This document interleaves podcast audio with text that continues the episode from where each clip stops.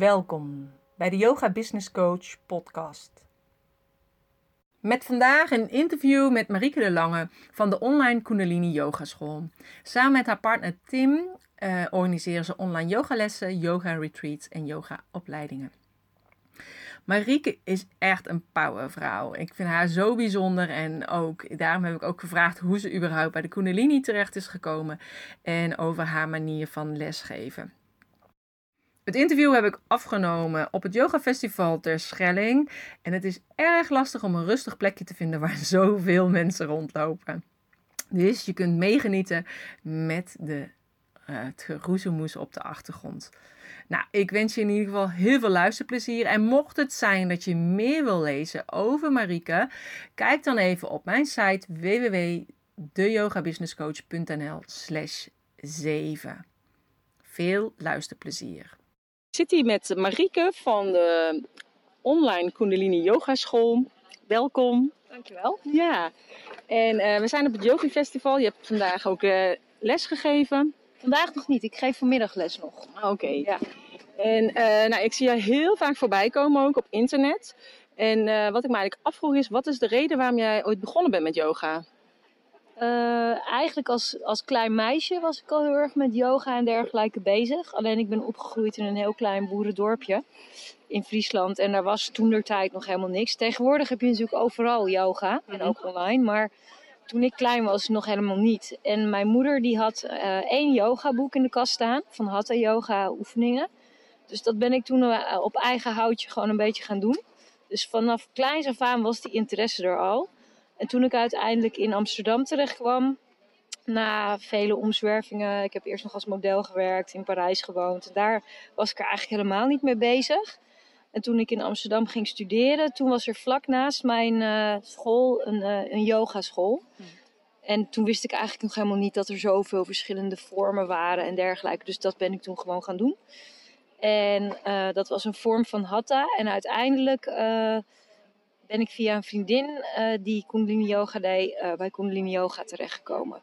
En de reden waarom ik ermee begonnen ben, ja, dat is met name omdat er van binnenuit toch een echt een diep verlangen zit naar, die, naar het ontwikkelen van die spiritualiteit.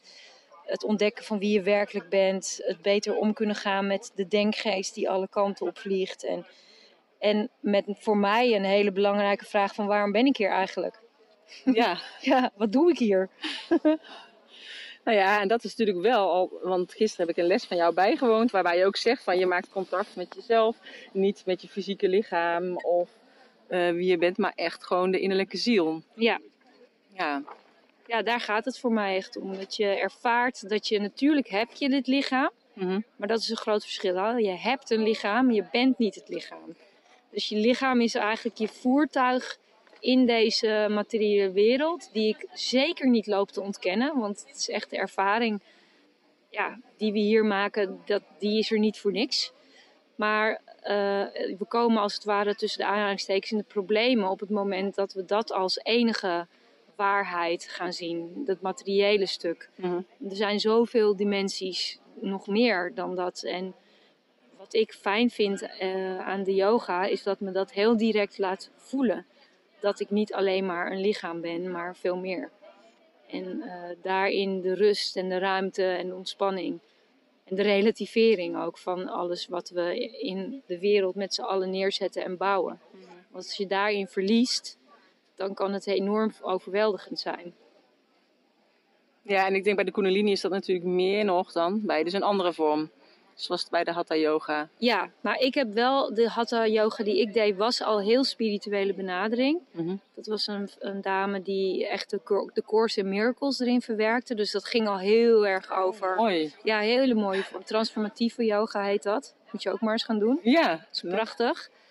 Um, dus dat, dat het enorm die spirituele benadering had en niet alleen maar het fysieke aspect, mm daar was ik al heel erg gewend. Maar ja, ik zeg het ook vaak in mijn lessen, daar waar je de meeste weerstand voelt, is vaak het meeste herhalen. Dus die vriendin van mij die aan Kundalini Yoga deed, uh, zodra ze het over had, gingen mijn haren al ongeveer overeind staan. Dus ik voelde enorm veel weerstand tegen, ook tegen de tulbanden en die witte kleren. En dan hoorde ik ook nog dat ze super vroeg op moest staan. En koude douche moest nemen. Dat ik echt dacht, yo, wat een secte gedoe joh, laat ja. maar. Ja. Tot ik het dus uiteindelijk zelf een keertje ging proberen.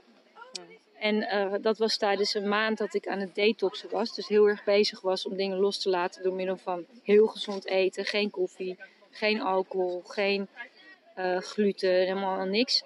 Toen eh, smelte die weerstand eigenlijk. En toen ben ik naar eh, een sadhana gegaan. Dus zo'n vroege ochtendsessie om half vijf. Nou ja, toen was het gewoon echt oké. Mhm. dit is waar ik voor gekomen, wa- wat ik zoek, zeg maar. Ja. Dus toen ben ik eigenlijk helemaal direct er helemaal ingedoken.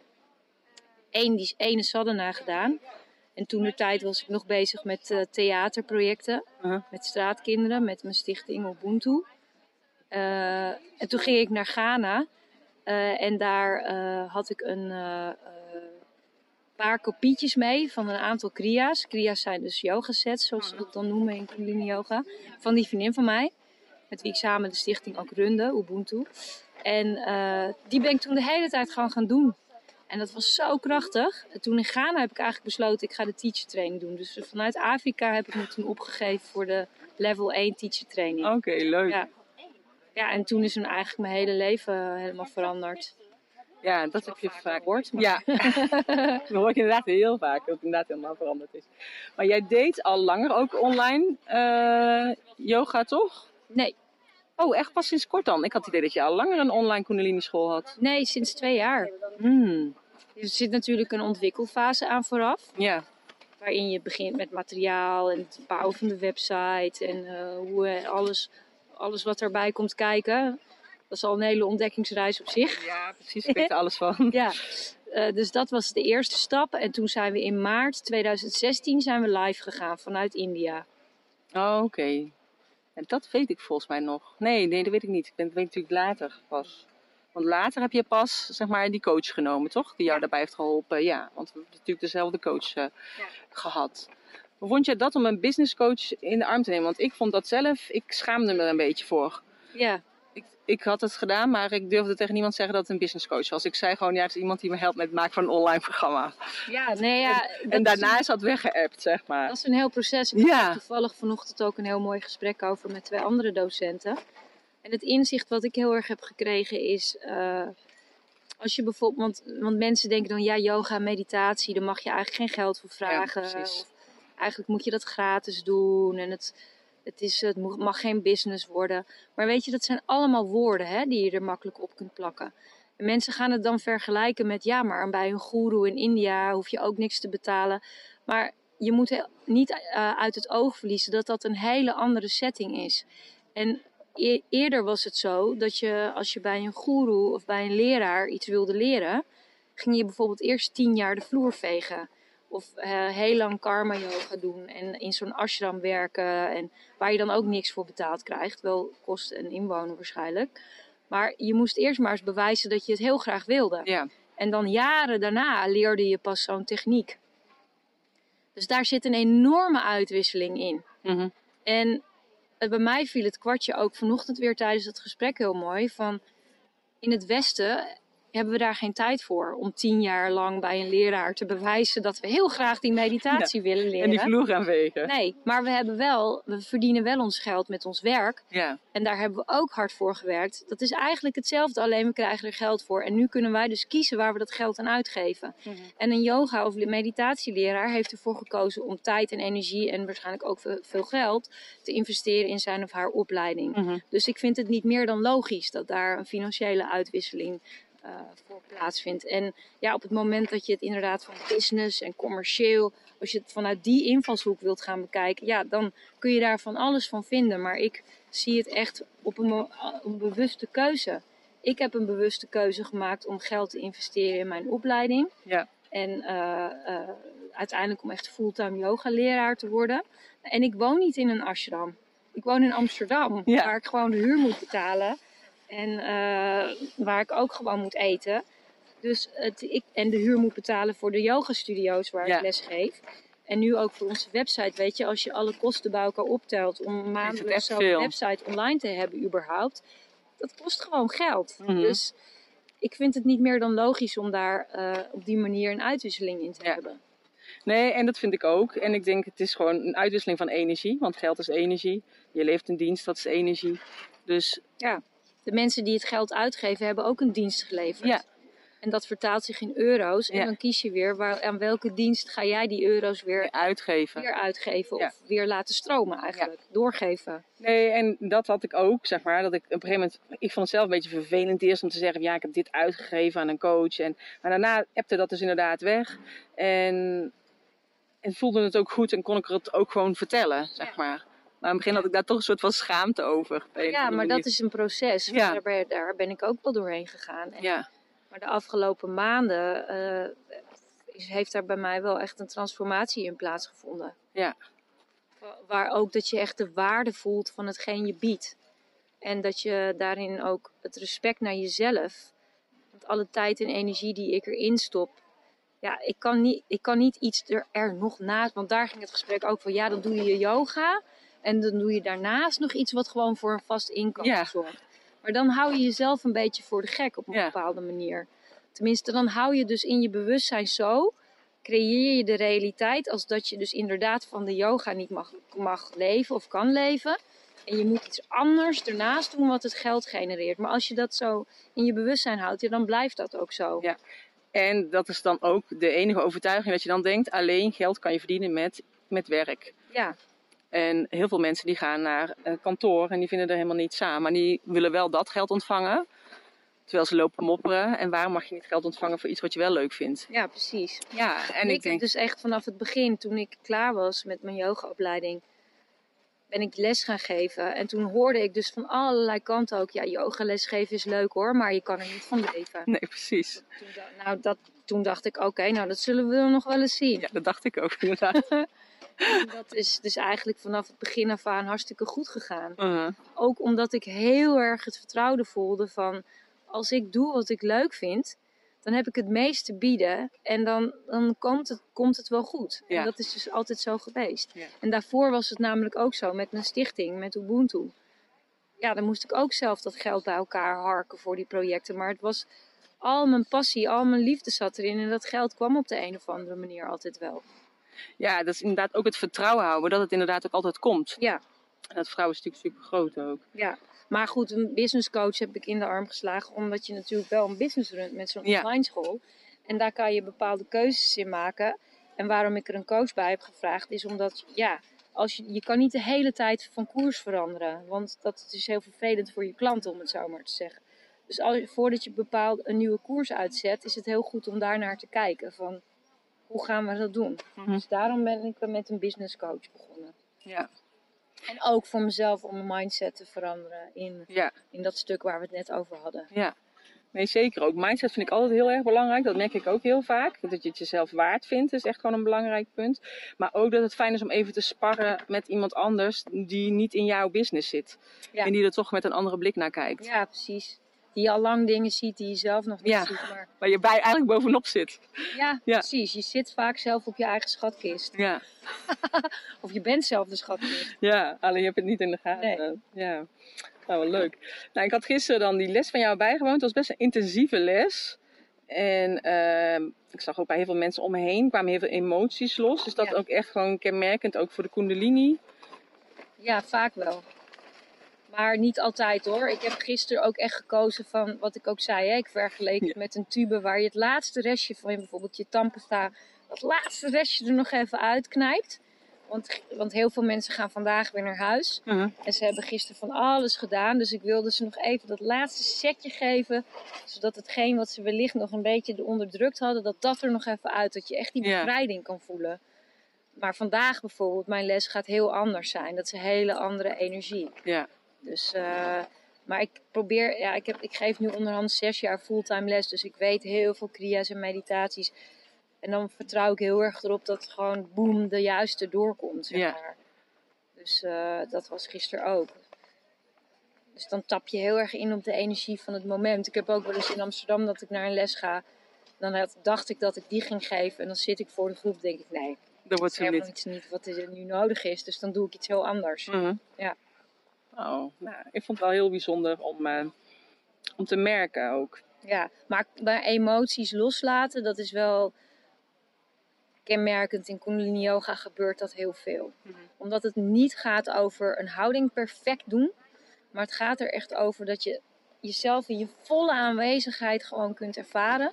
En alles wat daarbij in zit, bij hoort, is, dat je dat echt de ruimte kan geven. En dat je dat dus niet langer vasthoudt in je lijf.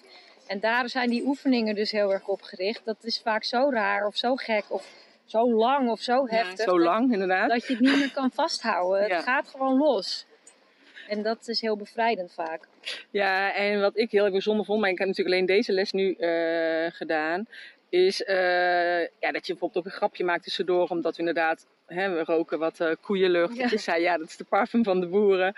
Ehm, maar ook dat op een gegeven moment toen iedereen zo fanatiek bezig was eh, met de mantra. En de kriya, dat je ook gewoon maar bovenuit bleef schreeuwen of zo. Dus ja, terwijl normaal gesproken dat iemand heel rustig praat. En, eh, Ja, de docent. Maar Ja. daardoor denk ik, ja, dat maakt jou ook wel echt wel unieker. Tenminste, omdat ik ook, als ik jou natuurlijk online zie, dan ja, begin je ook heel enthousiast al met Satnam! In plaats van Satnam. Ja, ja, ik ben best wel Shakti. ja. Powerhouse.